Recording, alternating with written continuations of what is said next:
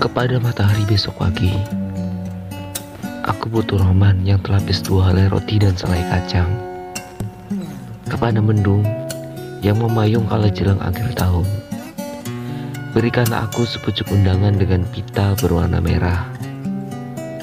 Dan kepada lilin temaram di atas meja pesanan kita itu, berikanlah aku kedua lesung pipit berwarna merah jambu.